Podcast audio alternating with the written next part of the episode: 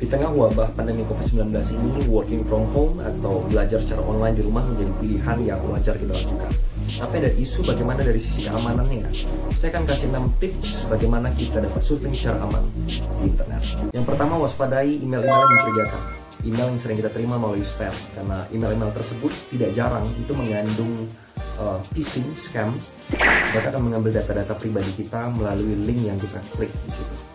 Yang kedua, hati-hati pada saat membuka attachment yang dikirim kepada Anda. Kalau Anda tidak yakin siapa pengirimnya, tidak usah dibuka. Karena attachment, di dalam attachment itu ada virus yang diselipkan yang akan bisa mengontrol handphone ataupun laptop Anda.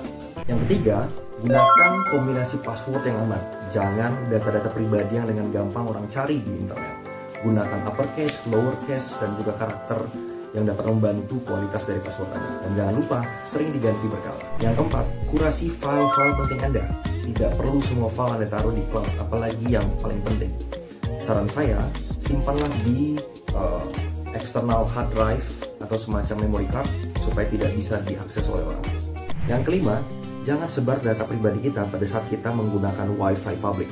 Karena penipuan paling sering terjadi pada saat kita menggunakan WiFi public. Saran saya, kalau Anda ada informasi penting, gunakan VPN atau mobile data Anda. Yang keenam, yang gak kalah penting, pastikan Anda belum pernah dihack. Bagaimana cara melihatnya? Klik aja di link haveibeenpound.com. Anda bisa lihat Anda sudah pernah dihack atau Kalau sudah, ganti password Anda.